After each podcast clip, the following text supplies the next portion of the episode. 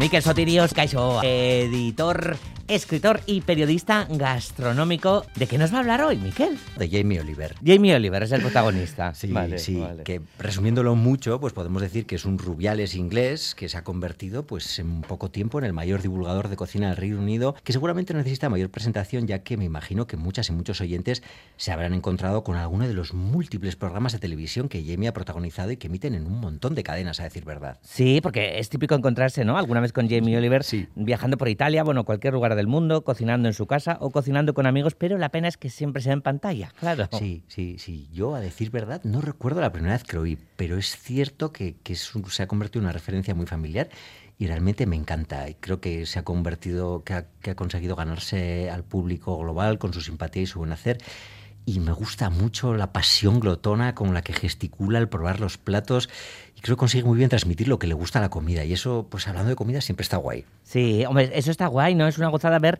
a, cualquiera, ¿no? Que disfruta con lo que hace. Sí, sí, me hace muchísima gracia porque prueba lo que él mismo ha estado haciendo y parece que es la releche y pues empuja a la gente a querer comer y a querer cocinar y eso, pues eso es algo bueno. Y he de confesar que también me hace un poco de gracia lo tragón y cercete que es en la cocina, porque es capaz de aprovechar la grasa del chorizo para hacer un aliño de ensalada y mil cosas más. Aunque, bueno, es un buen profesional y cada vez tiene más preocupación pues, por los aspectos nutricionales de la comida, pero no puede deshacerse de ese fondo de pasión guarrindonga que tiene. For about an hour. It's gonna be incredible. Oh, it's still blushing. Oh, oh. oh yes. Mm. The stuffing is sublime. So good. Mm. This is ridiculous. es que es bueno. Aquí está haciendo el glotón, ¿no? El gran Jamie. Sí, sí. Es que, está, es que me hace mucha gracia cuando se pone así. Está con su amigo y mentor, Gennaro Contaldo, uno de, los varios programas que han hecho juntos, concretamente el de Italia. Y es muy divertido pues verlos juntos cocinando y poniéndose hasta el culo de comer. Mm, hoy con su mentor, has dicho, Miquel. Sí, los fans de Jamie que hayan visto sus programas seguro que han visto a Gennaro Contaldo, que es un hombre moreno, con poco pelo, cara de pocos amigos, que sin embargo es súper divertido y que le suele hablar a Jamie con una sana y graciosa irreverencia que viene dada sin duda pues de que lo conoció cuando era un recién llegado a la cocina, o bueno, no tan recién llegado, porque se puede decir que Jamie Oliver es un cocinero de raza. Ay, eso, a ver, cuenta, cuenta. Pues porque Jamie Oliver lleva la cocina en las venas, ya que sus padres, Trevor y Sally Oliver, tenían un pub en el que servían comidas llamado The, The Cricketers.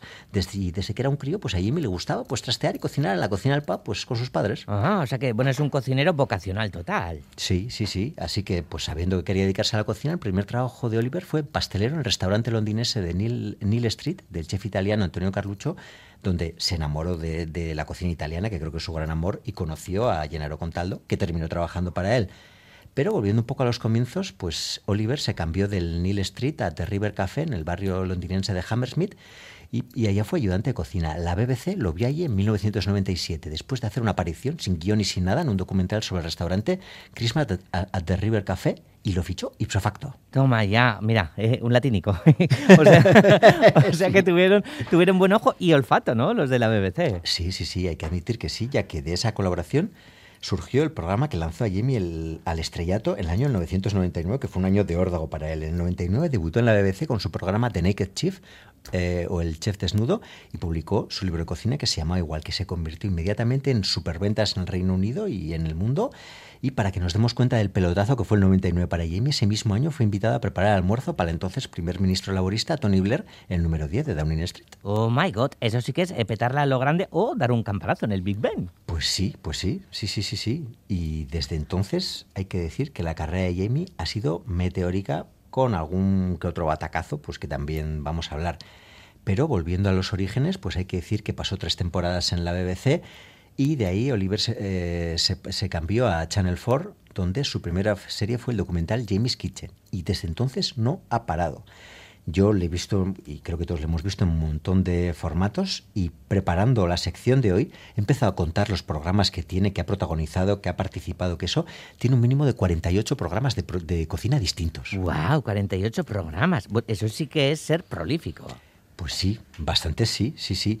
Sin duda le han traído muchas alegrías y también sus disgusticos, ya que pues por los contenidos del programa ha tenido sus diversas polémicas, como por ejemplo tuvo con el PETA a sacrificar un cordero en vivo en el, en el programa. Pero mm, la comentamos hace poco, no es exactamente la polémica que quería comentar hoy, quería comentar otra. Good Spanish food doesn't get much better than my paella. Mine version combines chicken thighs and chorizo. There you go, perfect. Turns out Spanish people quite fussy about their food. uh, here's just one of the comments. Remove the chorizo. We don't negotiate with terrorists. First warning.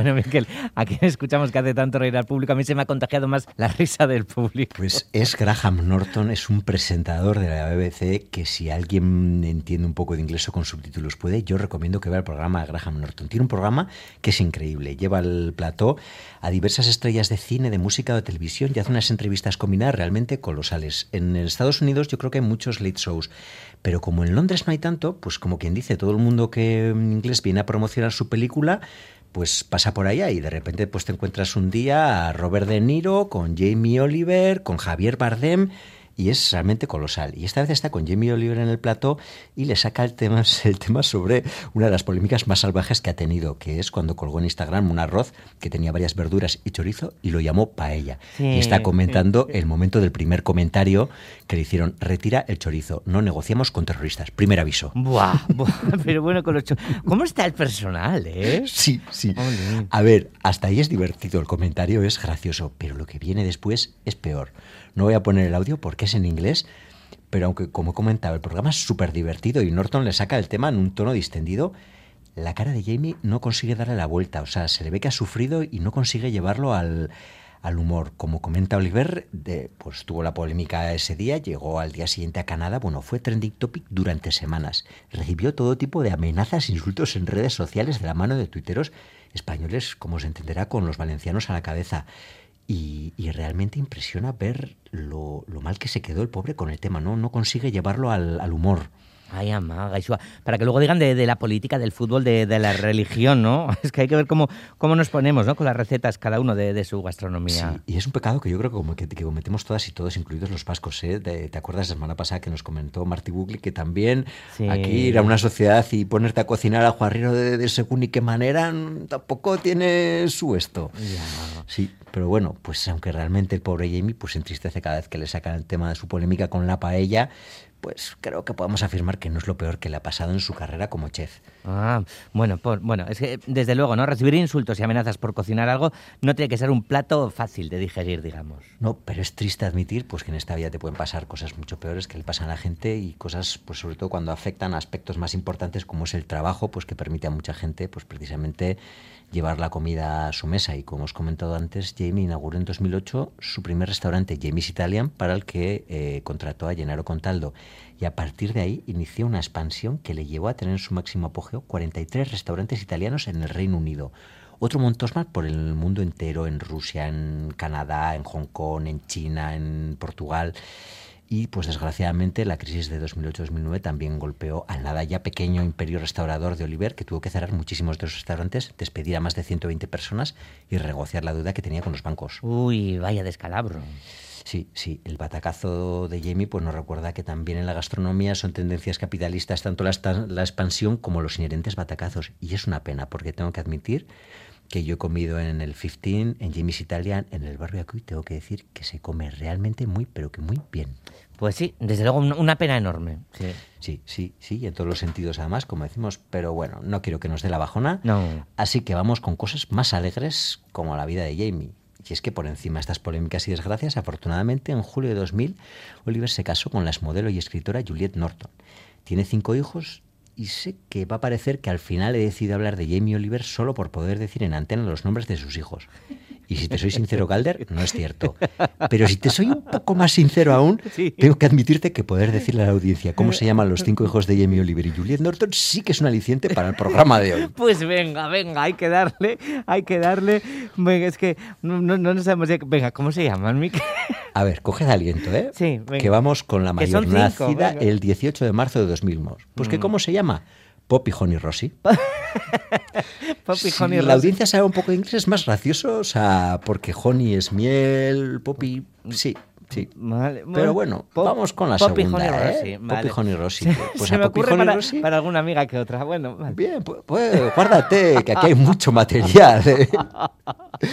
Porque la segunda, pues ¿cómo se llama? Pues después de Poppy Honey Rossi, pues Daisy Boo Pamela. Hombre, Daisy Boo Pamela. Daisy Boo, con dos Daisy Boo Pamela. Daisy Boo Pamela. Qué bonito. Y una vez que tienes a Poppy Honey Rossi y Daisy Boo Pamela, pues la tercera, ¿cómo se llama? Petal Blossom Rainbow. Oh, qué bon. Petal Blossom Rainbow.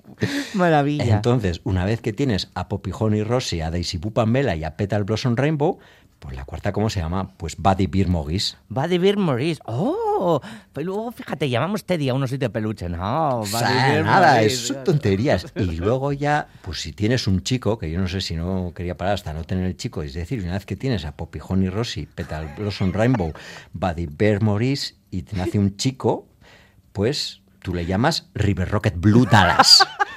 Ya ya no se querían tres, ya era el chico y era algo especial, River Rocket Blue Dallas. Y tienes, pues como hemos dicho, Poppy Honey Rossi, Daisy Boo Pamela, Petal Blossom Rainbow, Buddy Bear Maurice y River Rocket Blue Dallas. Yo- Vamos toda la familia de viaje. Yo, yo tengo una, una, una tía que tiene cinco hijos y claro, pues siempre se ha liado para decir, siempre dice los, los cuatro nombres menos a quien quiere llamar, ¿no? Pues me imagino al bueno de Jamie con toda esta lista, ¿no? Pamela, Petal Blossom, Rainbow. Nos dicen por aquí, con esos nombres solo le han amenazado por la paella. ¿Ves? Eh, Sí, eso, eso tendría bastante más sentido. Sigamos adelante. Vamos. Esta tiene lo bueno de los dos mundos. El exterior crujiente, con ese sabor a patata tostada delicioso, y el interior súper cremoso. Y el añadido del vinagre es todo un acierto porque le da un puntito de acidez que hace que suba el sabor. A ver, a ver, Miquel, que este no es Jamie Oliver, porque a este ya lo conocemos, ha estado por aquí más de una vez. Eh, Es Miquel Iturriaga, el comidista. Muy bien, efectivamente es el comidista que me ayuda a presentar una receta que quiero daros y que me hizo darme cuenta de una cosa sobre Jamie Oliver muy importante. Y es que sus recetas repartidas por más de una, una docena de libros, yo tengo como cuatro así, y son, los libros son francamente buenos y recomendables, sus recetas, cuando las sigas al pie de la letra, tienen mayor porcentaje de acierto que las de otros cocineros, lo que las hacen más interesantes. Realmente dan muy buenos resultados. Ah, bueno, qué bien. Oye, ¿y qué, qué receta traes? Pues la receta de lo que yo llamo patatas a lo Jamie, que me Ah. imagino que él las llamará patatas. Pero bueno, pero supongo... No, no está bien dicho, porque debería ser patatas a lo Jamie Oliver, tarara, tarara, tarara, Sí, ¿no? patatas a lo Jamie Oliver, Daisy Rosy Blue, Dallas Rocket Espino. bueno, pues es que me pasa un poco como cuando tienes algo tan bueno, tan bueno, tan bueno que quieres que todo el mundo lo tenga y lo disfrute. Y es el caso de estas patatas. Básicamente son unas patas asadas, pero para Miquel López Iturriaga, para mí, para su creador Jamie Oliver, son las definitivas. Son patatas asadas que parecen fritas. Os recomiendo probar hacer estas patas una vez porque seguro que pasan a ser un básico de, de vuestra cocina. Uy, qué bien, vale. A ver, eh, que somos súper de patatas además. Venga, a ver, cuéntanos eh, cómo se hacen. La estas primera patatas. recomendación es que no aséis menos de un kilo, porque la, la cantidad dependerá del plato al que acompañe y el número de comensales. Pero yo tengo que confesar aquí que las latas de muslos de pato de confit mártico y estas patatas, junto con el efferalgán, han sido mi salvación para las resacas durante décadas. Vale. Os voy a dar la base y luego os voy a dar tres combinados de sabores a elegir. Y a partir de ya vais experimentando. Uh, esto promete muchísimo. A ver, aquí Pues estamos sí, con Boli, Hay que pelar las patatas y cortarlas del mismo tamaño, es como el tamaño de una pelota de squash, por decirlo de alguna manera. Lavarlas en agua fría para eliminar el almidón, cubrirlas con agua fría y hervirles durante 5 o 7 minutos. Vale. Yo, pues, tenerlas unos minutos hirviendo, yo tampoco lo llevo eso al reloj, pero como 5 minutos. Entonces, escurrirla Eh, ¿El agua ya hirviendo? Sí, El, agua hirviendo, y echar sí. luego las O patatas ponerlas, squash. ¿eh? yo depende de la prisa que tengo. Como yo te digo, como son las mías de batalla, Vale. eh, las hiervo durante unos siete minutos, las escurro en un colador, dejo que se vaya un pelín el agua, las tengo como un minuto y las agito un poco. Entonces se, se desprenden como unas aristas, es decir, como está blandito, se sueltan las aristas y luego todas esas aristas van a estar muy crujientes. Mm. Es un paso que al principio no, no lo conocía, pero que realmente tiene un punto. Y después, pues hay que elegir la combinación de sabores a usar. Hay que elegir una grasa. Aceite de oliva, mantequilla o, como digo yo, grasa de pato. Eh, pues si la gente acostumbra a usar grasa de pato, yo suelo recogerla en un tarrito, la guardo en el frigo y después cuando voy a hacer estas patatas les echo un poquito. Entonces, cuando todavía están calientes y ya les hemos sacado estas aristas, las impregno con esa grasa y les echo un poquito de, de vinagre, de pimienta y de sal en escamas. ¿Vale? Como dice Miquel Iturriaga, el vinagre es un acierto, le da un, un tono que realmente es muy, muy rico. Entonces, a partir de ahí es meterlas al horno preca- precalentado y es asarla 40-45 minutos a 190 grados. Luego, Jamie, le voy a dar un último truco, que él, pues porque pues en, en su honor, pero yo durante años no lo he hecho. Y es que cuando a la media hora del. cuando lleva media hora asándose, la saca y las aprieta un poquito con la espátula, de tal forma que se rompen un poco por los lados. Quiero decir, este hombre ha pasado horas haciendo esas patatas y son su pasión, con lo cual las aplastas, se rompen un poco y tiene más superficie de, de textura para que se pongan crujientes. Entonces se ponen, pues las patatas se ponen más crujientes y Jamie se pone pues más locatis. Muy bien. Muy, y nosotros también. Bueno, oye, ¿cuáles son las combinaciones esas de las que antes nos hablabas? Pues lo que yo decía es, es- lo más básico es, si no hay nada más en casa, es aceite de oliva, un par de cucharadas de vinagre, pimienta negra y sal en escamas, en escamas si es posible. Eso es lo básico.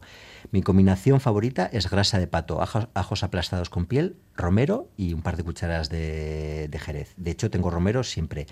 Pero hay un último combo de Jamie que es mantequilla, un manojo de salvia fresca y piel de mandarina, que no se come, pero le da un aroma buenísimo. Y realmente es probarlas. Si las probáis, o sea, tener patatas asadas que parezcan, fritas me parece una ventaja nutricional maravillosa que no tenéis dejar de, que no, que no podéis dejar de probar.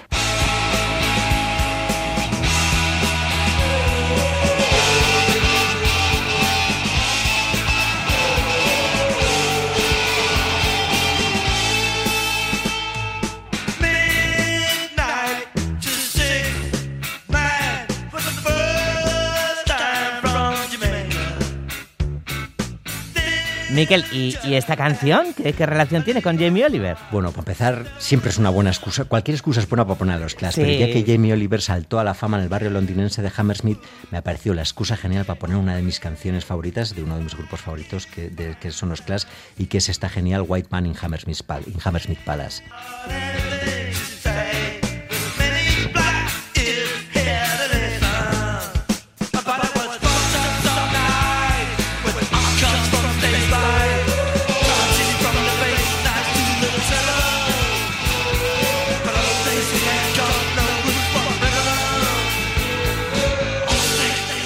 Jamie Oliver, bueno, yo siento que ha estado por aquí, bueno, él, sus hijas, Eh, su River hijo Rocket Blue, también. Petal Blossom Rainbow, Daisy Pamela, Poppy Ronnie Honey Rossi, toda la tribu, vamos. Me- menuda, menuda hemos montado. Menos mal que Irati ha traído dulces para todos. Así Sí, van a estar sí. más tranquilos. Hombre, los nombres están también ba- bastante dulcicos, ¿eh? que más que de nombres parece un ataque diabético. Sí, ¿verdad?